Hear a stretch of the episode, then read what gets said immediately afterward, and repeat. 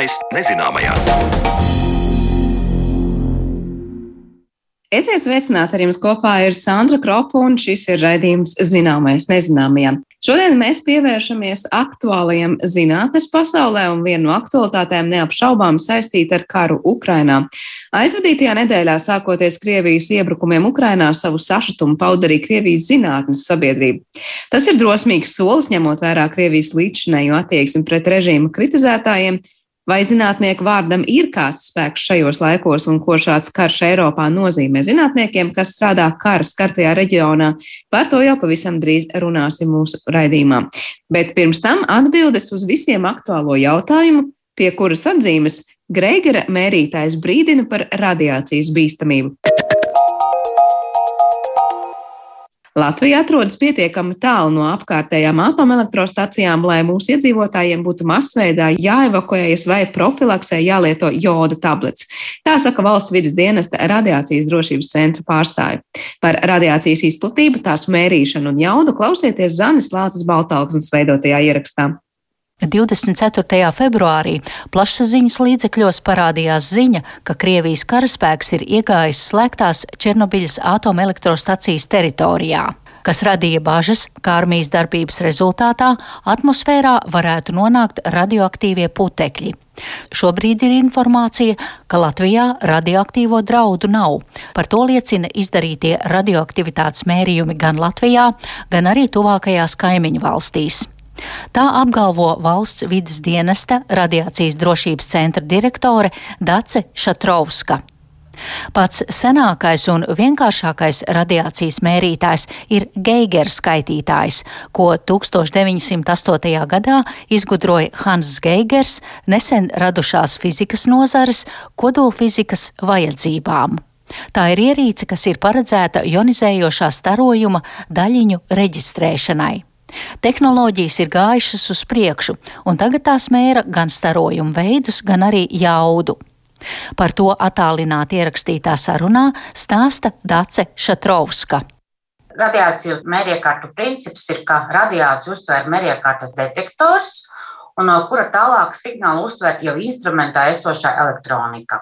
Un tālāk tas signāls, protams, tiek pārvērsts vizuālā nolasāmā veidā, nu, piemēram, uz skalas, un arī iespēja tālāk arī ierosināt tādu kā audio signālu vai vibrāciju.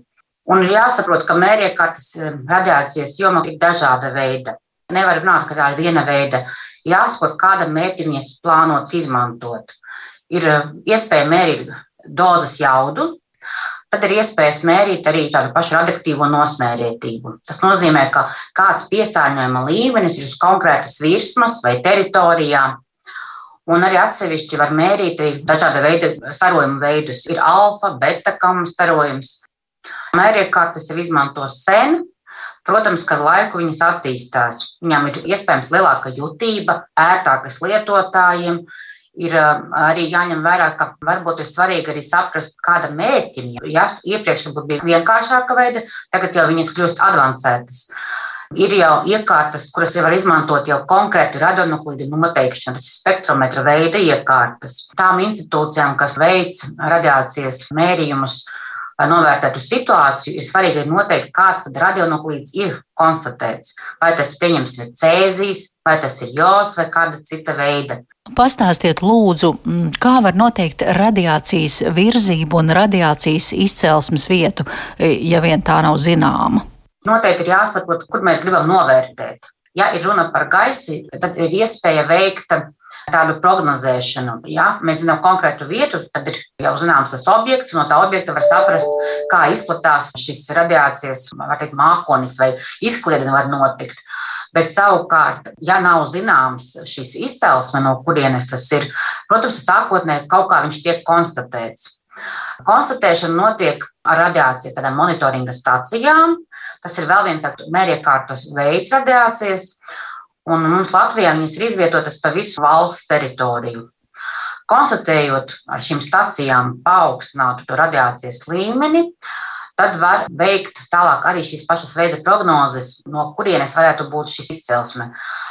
Mums Latvijā tāda stacija, kurā ļoti detalizēti veids šos mērījumus, nosaka ļoti tāda jutīga, kur pēc tam vest uz laboratoriju šādas paraudziņus, mums radiācijas drošības centram nav. Jā, tas arī nav vajadzīgs katrā valstī. Ir jāsaprot, ka ir jāvērtē no tās valsts situācijas. Un arī starptautiski izveidots tāds tīkls, kur var mēra arī, pieņemsim, ja būtu kodoli ieroču izmēģinājuma, jā, tādi veidi. Un, attiecīgi, tās valstis, kuras veic šo novērtējumu, viņiem ir iespēja savām programmām to izvērtēt, no kuras tas izplūde notikusi. Ir, jā. Jo jāatceras, ir viens, ja ir lielās atomatrostacijas, tad viņām ir jau skaidrs, ir zināms šī radionuklidi, kas atrodas šajā stacijā, un ir iespēja novērtēt, nu, pat no kuras atomatrostacijas tas noticis. Ir. Zinot, ka starojums iedalās alfa, beta un gamma staros, es lūkšu jūs e, sīkāk pastāstīt par tā teikt šo staru dabu.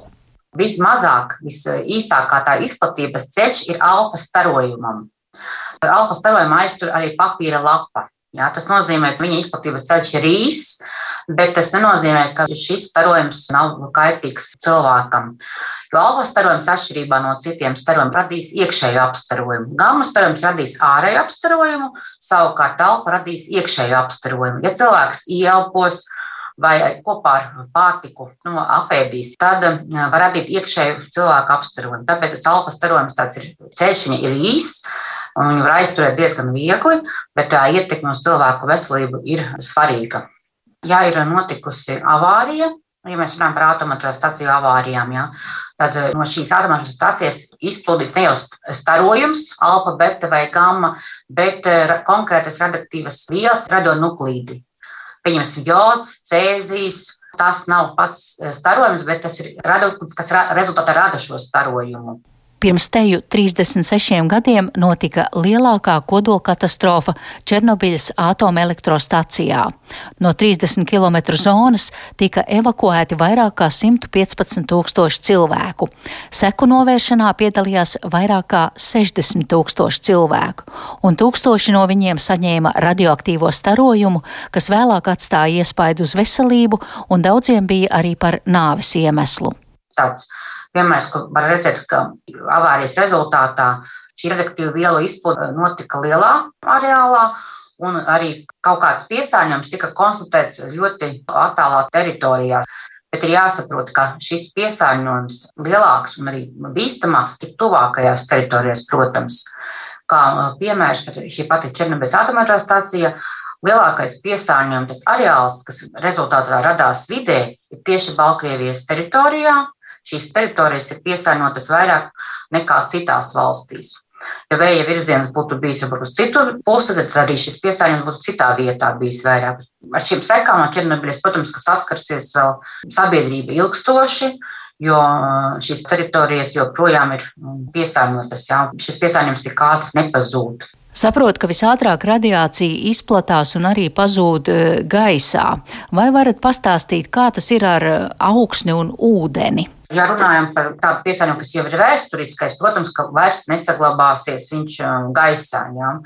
Gaisā viņš radīsies no tā, ja piesārņot to augsni, um, nu, kāds mēģinās nu, rakt ja? vai, vai aiztikt. Tad viņš izplatīsies tālāk gaisā, bet tā viņš, protams, ir augstnē un arī noteikti arī ūdenī, jo savādāk, ja nu, viņš saistīts augstnē, ir saistīts.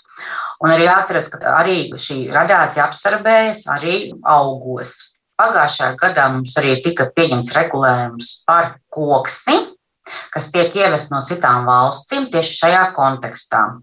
Jo tika konstatēts, nu, tad presē ir izskanējis arī diezgan daudz par to, ka sadedzinot šādu koksni rodas pelni, kuros ir paaugstināts radiācijas līmenis. Un, lai arī avārija ir bijusi sen, ja, šie koki ir saglabājuši radiāciju. Ja. Un, uh, un pēc tam rezultātā arī konstatēt viņam veicot šos laboratoriskos mērījumus gan uh, pašā augsnē, gan arī tajos radītajos pelnos. Ja mēs runājam par drošības pasākumiem, kādi ir jāveic radiācijas izplūdes gadījumā un kas cilvēkiem ir jāievēro? Drošības pasākumiem ir vairākas situācijas.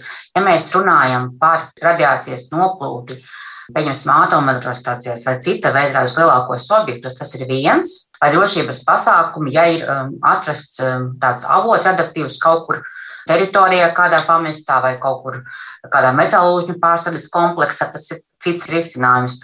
Ja, ja mēs runājam par tādiem radiācijas izplūdes gadījumiem no tādiem objektiem, ja ir notikusi avārija un izplūst šīs radioaktīvās vielas, tad ir svarīgi noteikti sabiedrībai saprast, ka ir jāklausās, kādu informāciju sniedz valsts institūcijas. Tas ir pirmais.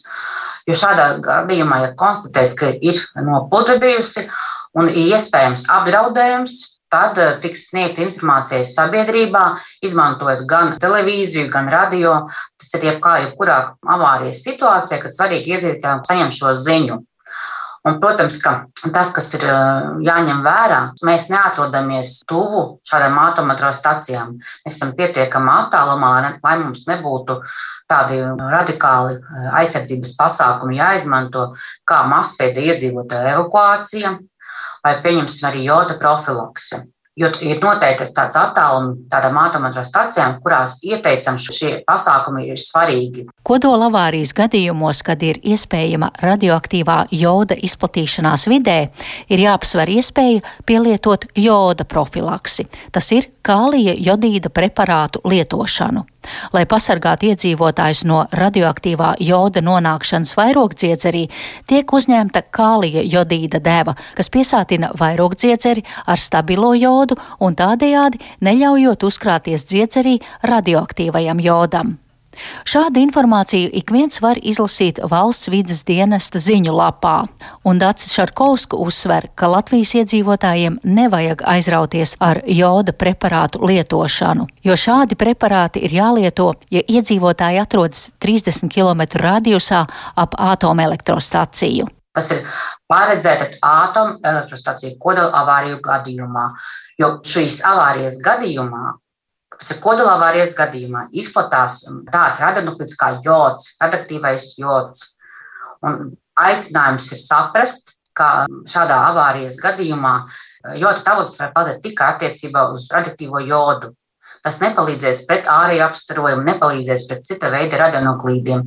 Bet, kā jau minēju, galvenais uzsvers Latvijas iedzīvotājiem ir šis joda tabletes mums nav nepieciešamas. Mēs neatrodamies tik tuvu šādiem objektiem, lai būtu viņas jālieto. Atgādinu, ka visus jautājumus ap un par radioaktīvo piesārņojumu ik viens var atrast valsts vides dienesta interneta mājaslapā sadaļā sabiedrībai. Tik tālu par to, kā izplatās radiācija un kā to monitorē, bet raidījuma turpinājumā pievēršamies zinātnē Krievijā un tam, kā zinātnieki ir pretojušies vai sadarbojušies ar Putina režīmu astoņu gadu ilgajā karā starp Krieviju un Ukrainu.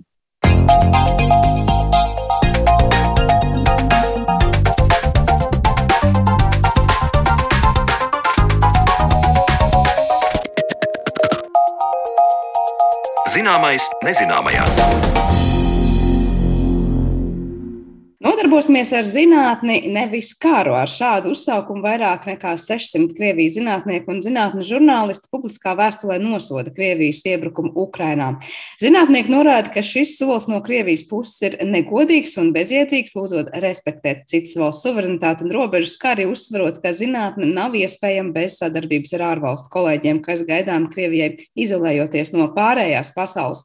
Vai zinātniekiem, kuri nereti tiek uzskatīti par neitrāliem un ar politiskiem procesiem nesaistītiem no malas vērotājiem ir kāds spēks šajā karā un ko līdzinājā kara darbība Ukrainā ir mainījusi Krievijas zinātnieku darbībā. Par to visu mēs šodien runāsim ar mūsu studijas viesiem, vēsturnieku vidzemes augstskolas vadošo pētnieku Gati Krūmiņu. Labdien, Gati! Labdien!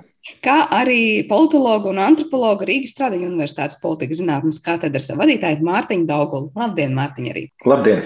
Nu, jautājums par to, cik nozīmīga šobrīd jums no malas vērot, jo liekas, ir šī Krievijas zinātnieku un zinātnes žurnālistu vēršanās pret Krievijas iebrukumu Ukrainā. Vai jūs teiksiet, tas ir tāds labs žests, kurā vienkārši nu, jebkurai citai grupai, kā mēs sakam, ir vērts šobrīd vērsties un, un, un nāk klajā ar savu vēstījumu, vai jūs teiksiet, nu, no tā nekas diži daudz nemainās? Mārtiņ, varbūt sākšu ar jums. Jā, paldies. Nu, protams, jebkura balss, kas šajos apstākļos tiek celta pret Putinu, ir īpaši Krievijas iekšzemē, ir būtiska. Un šādā ziņā tāda iekšējā, sauksim to par zinātniski disidentisku grupu, tai ir svars. Mēs to pavisam droši zinām, ka ja kuras balsis, ir īpaši disidentiskas balsis šādos režīmos, kad savāc kritisko masu, to nav iespējams izkalkulēt, to nav iespējams aprēķināt. Bet pats fakts kā tāds, eh, protams, ir slavējams um, arī šo zinātnieku kontekstā. Protams, ka tie ir zinātnieki, kas ir uh, sazobē un integrēti ar starptautisko vidi, taču tajā pašā laikā uh, Krievijas akadēmiskā pasaule un Krievijas zinātne ir pietiekami uh, vertikāla, tā mēs varētu teikt, pietiekami hierarhiska. Un, un šajā gadījumā mēs varam runāt tiešām par 600 drīzāk disidentiem no tās perspektīvas nekā pašsaprotamību. Un šo tādu nu, zinātnes sasaisti ar establishmentu, jeb, jeb politisko vidi, un to jau mēs savā ziņā esam jutuši arī savā pusē, zinātnē darbojoties, piemēram, sociālajā antropoloģijā, ļoti viļņveidīgi bija jūtams, kā Krievijā var nokļūt, veikt pētījumus. Tad pēdējos gados, īpaši pēc Krimas, jūs vairs nevarat dabūt pētniecības licenci, lai iebrauktu kaut vai Sibīrijā un pētītu vietējās komunas un kopienas. Un, nu, tiek aizvērti tie vārti uz starptautisko zinātni ciet. Un tāpat tās attiecībā uz sociālajām zinātnēm, to es pavisam droši varu teikt, vēl, kad pats braucu un piedalījos ar Krieviju kopā organizētās, piemēram, zinātniskajās konferencēs, tad tā ideoloģiskā nodze bija ļoti spēcīga sociālajās zinātnēs. Piemēram, pats piedalījos reiz ar lasījumu ekonomikas panelī pēc pasaules finanšu krīzes, un tad faktiski viss stāsts bija par to, kā Krievijas režīms, nu, kā Putins izglābs pasaules ekonomiku. Nu, tāds eh, ļoti, ļoti rāmēti vēstījumi. Bet, protams, eh, pirmkārt, zinātne nav viendabīga. Un, eh, un šie disidenti pastāv tajā pašā laikā, nevajadzētu šo struktūru tādā ziņā pārvērtēt. Kā piemērs ir daudzi brīvie zinātnieki, ir ieradušies piemēram šeit pie mums Latvijā. Ir tāda biedrība, brīvā universitāte, kas apkopo ļoti daudzus profesorus, kas ir eh, izgrūsti un izstumti no Maskavas eh, eh, universitātēm un atrodas šobrīd šeit, Latvijā, un rezidē uz neatkarīgas, no nu, neatkarīgas institūcijas bāzes. Ja? Līdz ar to nu, tās kustības, kustības, protams, notiek. Ja? Tad vairāk mēs varam runāt par atsevišķu zinātnieku centieniem šos uh -huh. paust, bet to nevarētu noteikti šobrīd saukt par tādu kustību, kas ir iekustējusies Krievijas zinātnieku vidienē. Gati varbūt ir droši vien kas, ko piebilst vai no citas, es nezinu, aspekta pakomentēt. Jā, nu, noteikti. Jā, un es varu Mārtiņam tikai piekrist jā, par to, ka tas ir ļoti sarežģīti. Bet, ja mēs paskatāmies, un es kā vēsturnieks varu minēt piemērus, tad arī šāda zinātnieka pat individuāla pretošanās ir bijusi gan sekmīga. Nu, Kā tai paskatoties to pašu Andreju Sakarovu, ja, kas ir šajā PSRS okupācijas periodā, vēl PSRS laikā, tad Nobel prēmijas, miera prēmijas laureāts atomzinātnieku, kurš, atomfiziķis, kurš būtībā iestājās pret šo sistēmu, jā, tika represēts, bet nu, es domāju, ka šī viņa ietekme tīri, kā mainījās Krievijas sabiedriskā doma, jā, 80. gados viņam iesaistoties, atgriežoties faktiski politikā, jā, aktīvi iestājoties par demokrātiskām vērtībām, es domāju, ka viņš iedvesmoja ļoti daudzus ar šo savu drosmi. Ja, es domāju, ka šādi arī pozitīvi piemēri ir. Bet eh, skaidrs, ka mums ir jāņem vērā, ja, ka šie nu, Krievu, Krievijas zinātnieki tiek visai stingri kontrolēti. Tas nav tikai kaut kādu pēdējo mēnešu jautājums, ja, bet tas ir diezgan jau ilgāka laika jautājums.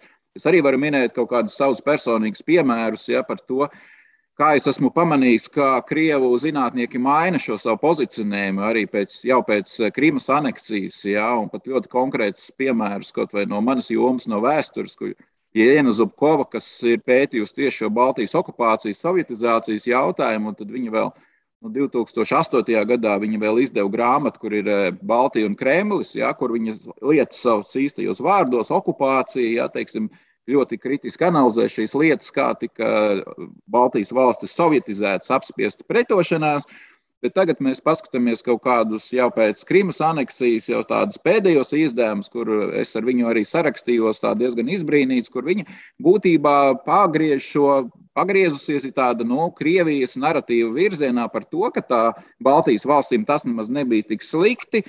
Un ka arī, nu, arī tā esoša atrašanās PSRS, un, un, un kad tā bija tāda PSRS vitrīna, ja, un viņi bija, viņas vadībā nopublicēti vairāk simtu lapušu kaut kādi dokumenti, tur pa 40, 50 gadiem. Un es tā kritiski izvērtējot, es sapratu, nu, ka tur tādas pamatlietas nav, nu, diezgan bēdīgi tā zinātniskā puse.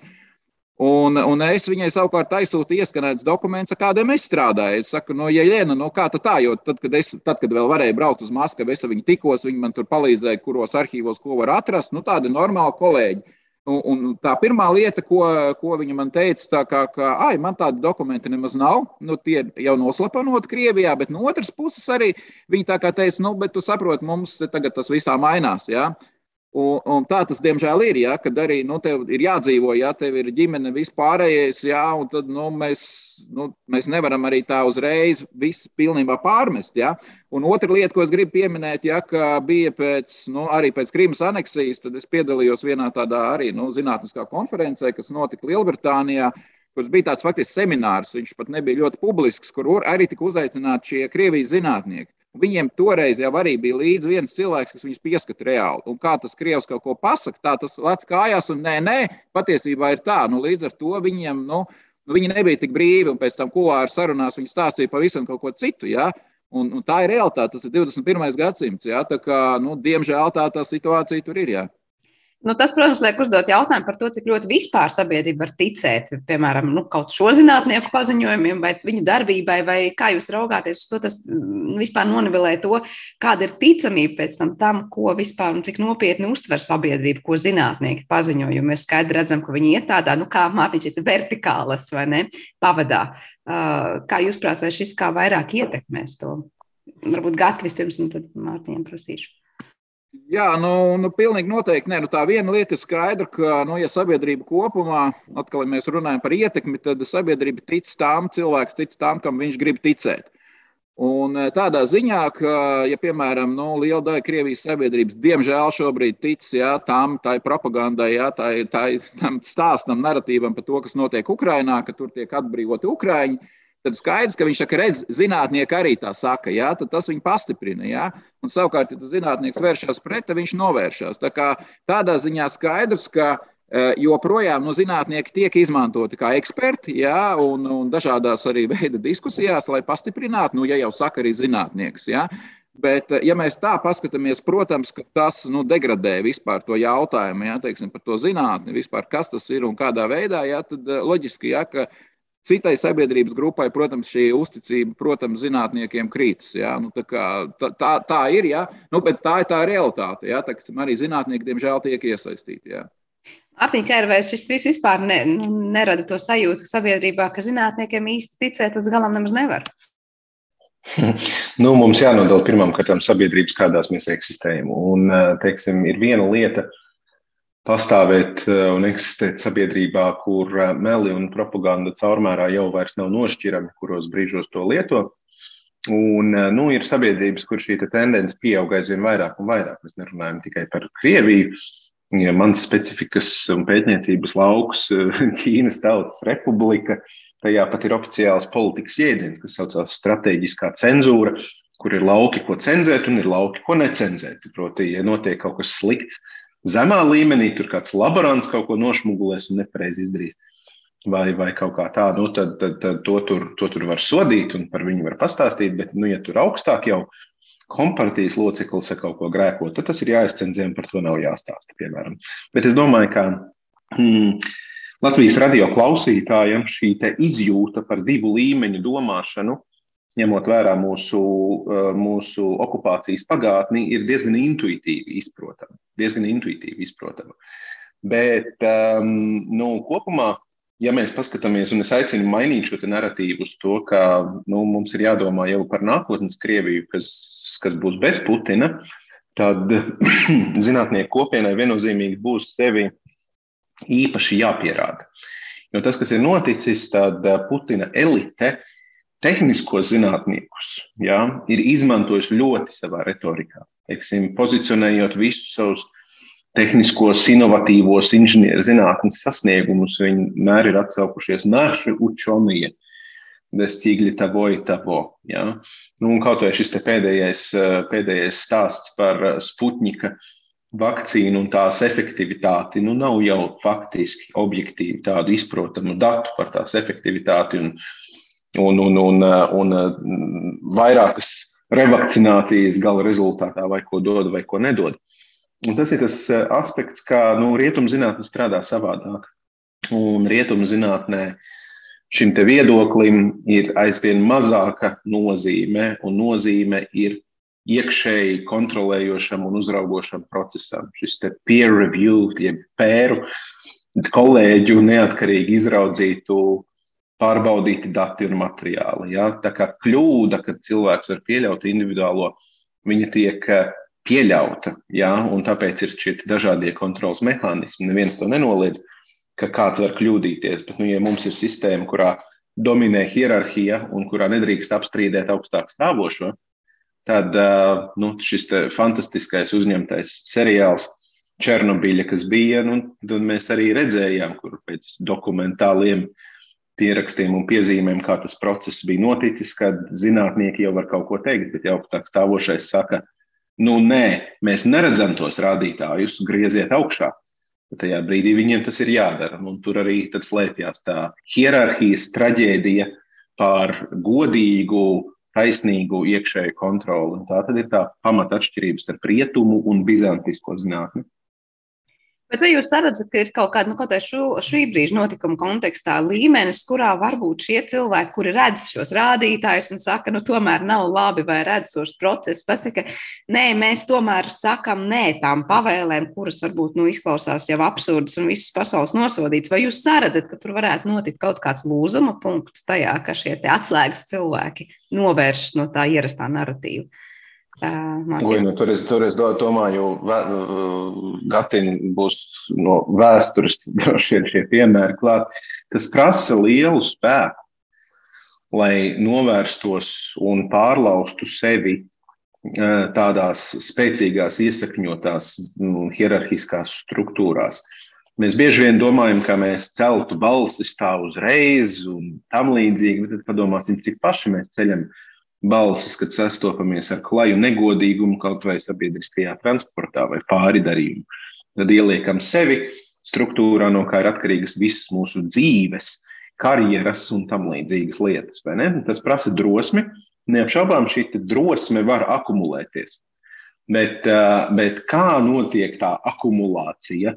Nu, tas, manuprāt, tur ir, tur ir dievišķās providences, sakritības gadījuma uh, un citu lietu rezultāts, kas nepakļaujas tiešām aprēķinam. Jo es domāju, ka, ja mēs to varētu tieši aprēķināt, tad jau mēs diezgan viegli varētu stimulēt grupas, kurām izrādīt drosmi. Bet tas ir tiešām atkarīgs no, uh, citējot latviešu mākslas darbu, tad tas bieži vien nav par krekliem, bet par uh, sirdsapziņām. Tā kā pirms es dodu vārdu Gatim, sanāk tā, ka nu nebūtu pamats domāt, ka zinātnieki būtu viena no tām grupām, kas varētu palīdzēt stimulēt šo drosmi arī plašākā sabiedrībā. Viņi var palīdzēt stimulēt drosmi līdzās, eh, eh, līdzās eh, skolotājiem, līdzās taksometru vadītājiem, līdzās armijas kareiviem, disidentiem un tam līdzīgi. Es neteiktu, ka šeit būtu kāda īpaša identitātes politikas sastāvdaļa, ka zinātnieki to, to darītu nu, kaut kā citādi kā citi. Protams, minētais Saharovs, piemēram, ir jāskatās vispār pēc mazliet cilvēku atpazīstamības sabiedrībā kā tādas. Jo, nu, būsim godīgi, mūsdienu pasaulē, fragmentētajā, ārkārtīgi, ārkārtīgi informatīvi pārsātinātajā, cik mēs zinām superslavenus zinātniekus, ko ārkārtīgi respektē sabiedrībā.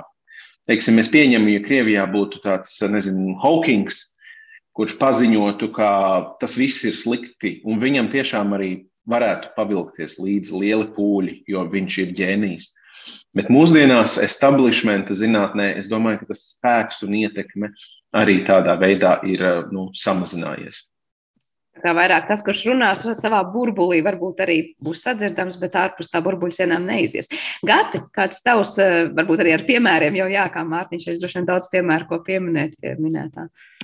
Nu, jā, nu, es domāju, ka iespējams mums ir jāizkāp no tās savas eh, komforta zonas, jo tagad mēs aprunājam tos eh, krievu zinātniekus un bez maz tā kā dodam to vēstījumu, cik viņi ir neaktīvi. Uh, Bet, nu, paskatāmies mūsu pašu vēsturi, ja, un PSRS okupācijas periodu un mūsu zinātniekus Latvijā. Ja, nu, tas arī ļoti skaidri parāda to, ja, ka zinātnieki būtībā nu, ne jau tāpēc, ka viņi to gribēja, bet nu, viņi tomēr nu, sadarbojās ar šo PSRS okupācijas režīmu. Ja. Mēs redzam, cik daudz zinātnieku ir iekļuvuši šajās pašās VDK aģentu listēs. Ne jau tāpēc, ka viņi to vēlējās, bet nu, savā ziņā tā tomēr bija viņu izvēle. Ja, Labi, viņi nebija proaktīvi ziņotāji, ja, bet, nu, lai īstenotu kaut kādu pētniecību, nu, savā ziņā nu, tas tāda realitāte. To diezgan daudz saka, ka nu, es parakstīju, lai es tiktu uz ārzemēm tajā starptautiskajā grupā. Ja.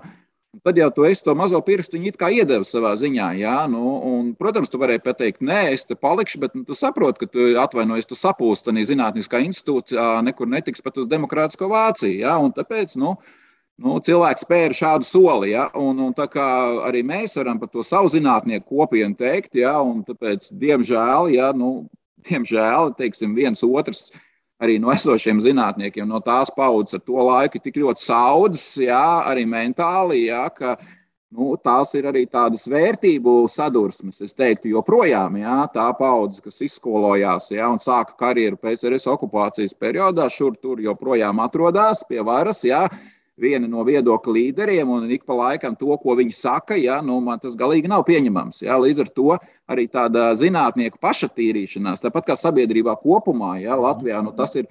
Es piekrītu tai domai, ka, ja ir bijuši tik daudz tie okupācijas gadi, mēs nevaram piecos vai desmit gados, jā, teiksim, kļūt par citiem cilvēkiem. Jā.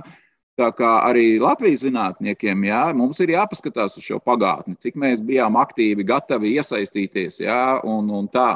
Ja, lai, tā, kā, tā, kā tā, ir, tā ir ļoti sarežģīta lieta. Ja, nu, un, un, un, un, jā, un vēl viena lieta, kas noteikti ir, jā, un tur es varu piekrīt eh, savā ziņā arī, ko Mārtiņš teica, ka nu, Krievijā šobrīd nav jau tā Krievijas eh, vispār sabiedrības zinātniskā doma virzīt tādā virzienā, ka zinātnieki ir tādi viedokļu līderi, ja, un ka zinātniekos ir jāieklausās. Ja, tur ieklausās pavisam cita veida cilvēkos. Ja, nu, tur tiek būtībā tas sabiedrības intelektuālā izpratnes līmenis apzināti pazemināts, vairāk uz tādu izklaidi, vairāk vilkts atpakaļ uz tādu 19. un 20. gadsimta izpratni, ka spēks, ja, kaut kāda abstrakta vienas nācijas, jā, teiksim, nu, kas, kur mēs rietumos to vienkārši nesaprotam, ka, ka teiksim, re, tur dzīvo krievi, tāpēc tur jāiet Krievijas robežai, jā, vai kas tāds. Jā, nu, mēs dzīvojam pavisam citā vērtību dimensijā, jā, un tāpēc. Un, Un tā, un tā mēģina to pierādīt. Un tagad zinātniekiem arī skaidrot, tad es atvainojos Ukrāņiem. Jā, tur, teiksim, Ukrāņi jau nemaz varbūt nav tauta un vēl kaut kas, un dažādi pseidozinātnieki, jā, tad mēģina to pierādīt, jā, kas Kremlim ir vajadzīgs. Jā.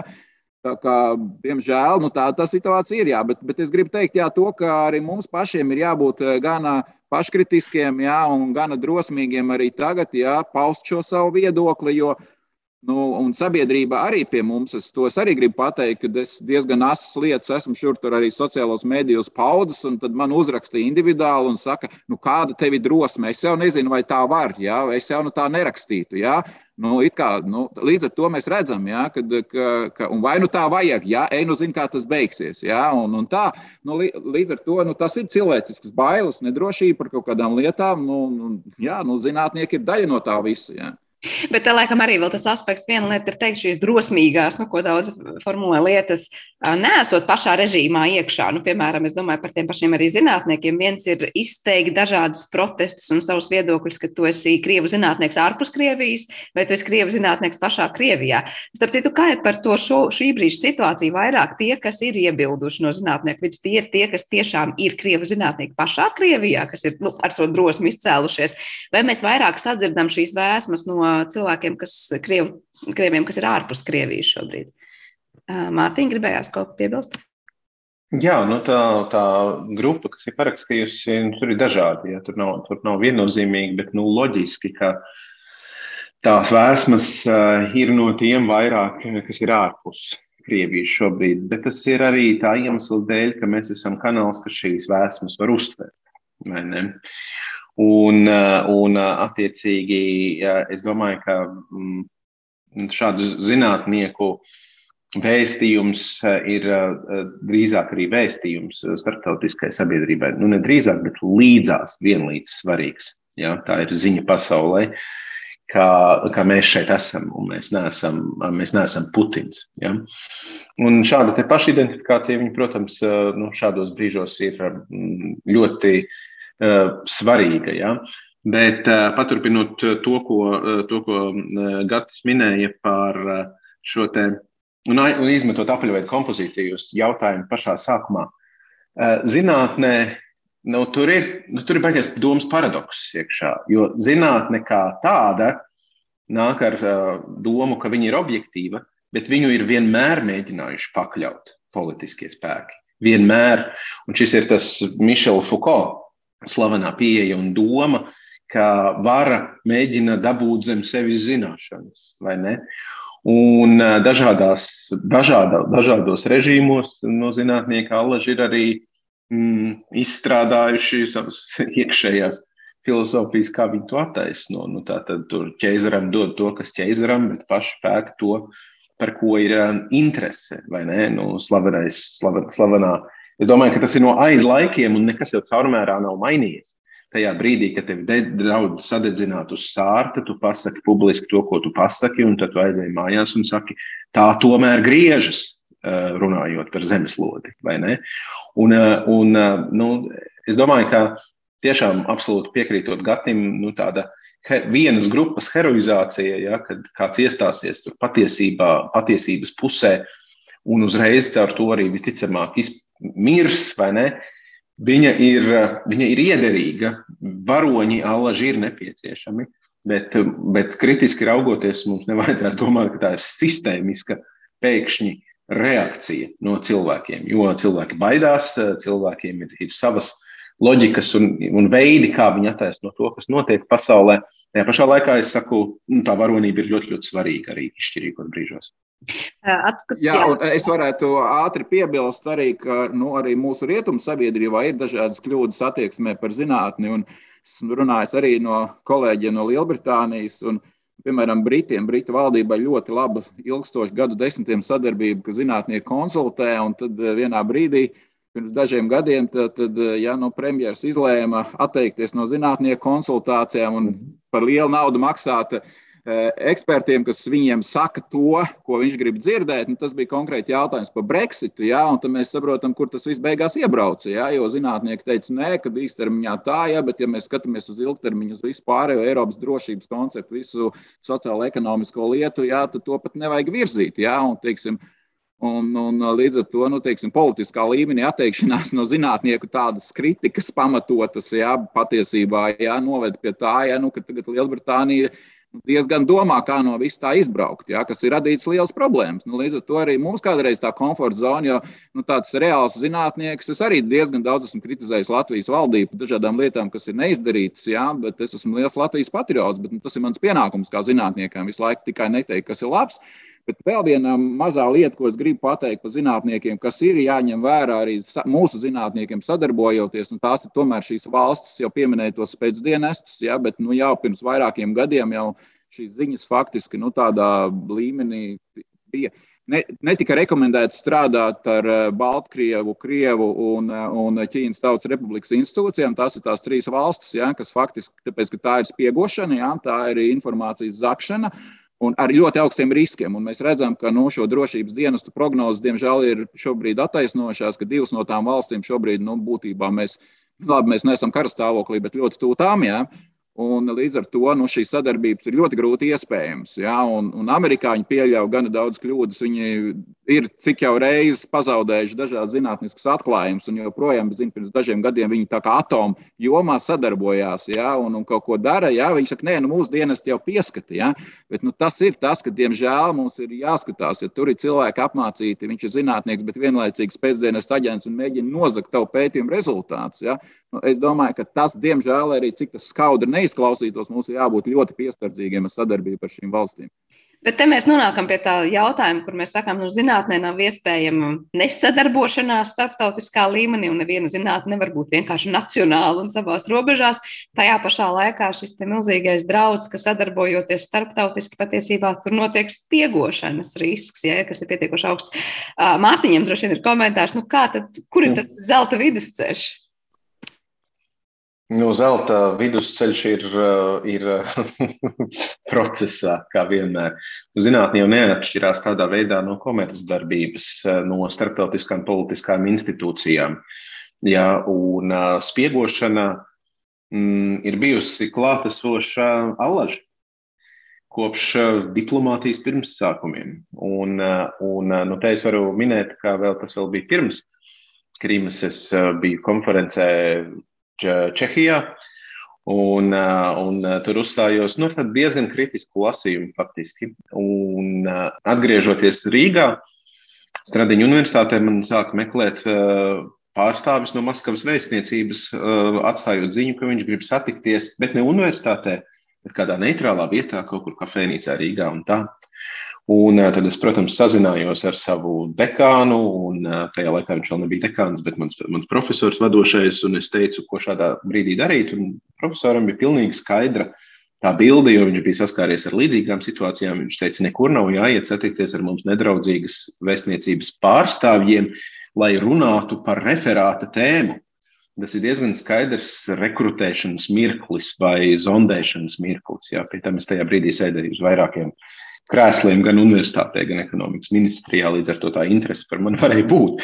Bet eh, platformas, kuras caurauž mm, izlūk, izlūki, spiegi un tā, es domāju, ka nevajag eh, no tā caurmērā, it īpaši, ja Krievija piemeklēs atmoda, no tā caurmērā nevajag baidīties, bet vienmēr vajag būt racionāli piesardzīgiem, ar ko mēs dalāmies un kā mēs dalāmies. Un, eh, nu, datu drošība pratība un tam līdzīgas lietas eh, ir ārkārtīgi būtiskas mūsdienās. Jo nu, mums ir viens milzīgs uh, špions, un tas ir vēl tālākos austrumos, kurš vāc datus alkatīgi, pat nezinot, ko ar viņiem darīt. Ja?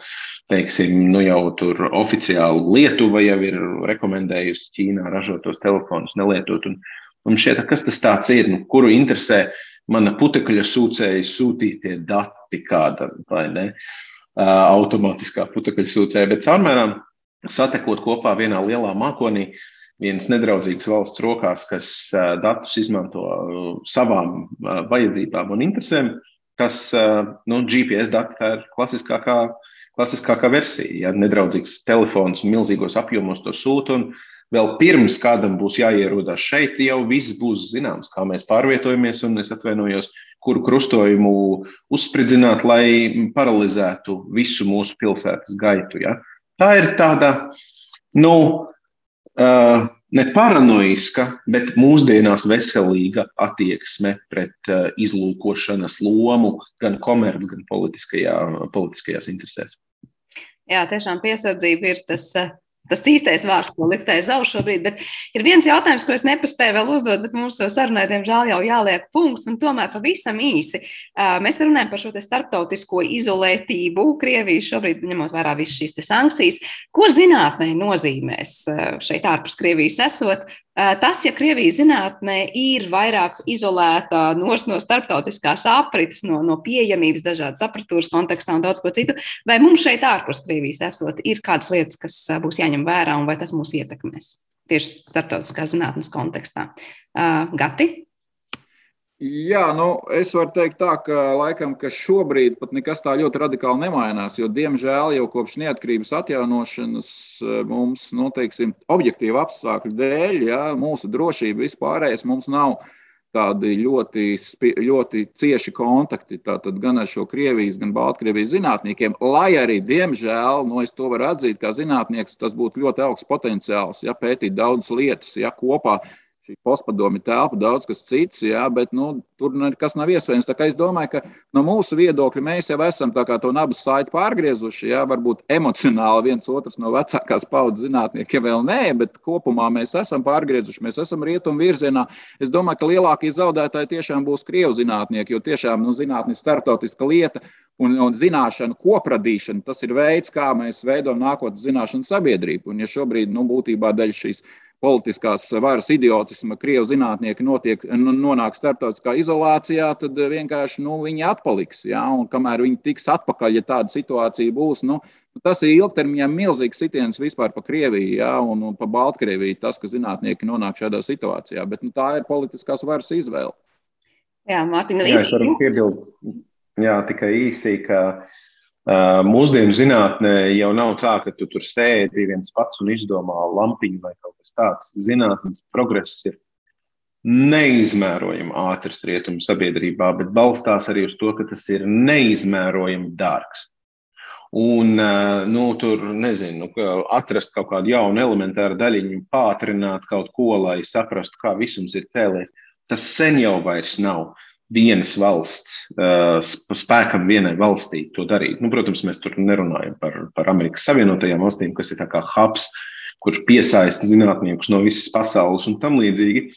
Bet, uh, bet nu, caurmērā Eiropā mēs visi sadarbojamies zinātnē, lai varētu dabūt labākus rezultātus, jo tie rezultāti maksā. Un tajā brīdī, kad tu tiec iespiests uh, vienā izolētā valstī, kurā, es domāju, nebūs prioritāte pētīt pēkšņi kaut ko marginālu vai kaut ko tamlīdzīgu, bet nu, tur tādos brīžos viss pārs, pārslēdzās uz militāro zinātni. Nu, tad tie, kas nekalpos eh, tirāna virsmērķim, visticamāk piedzīvos sūras dienas, jo viņiem arī neviens neapmaksās viņu darbu.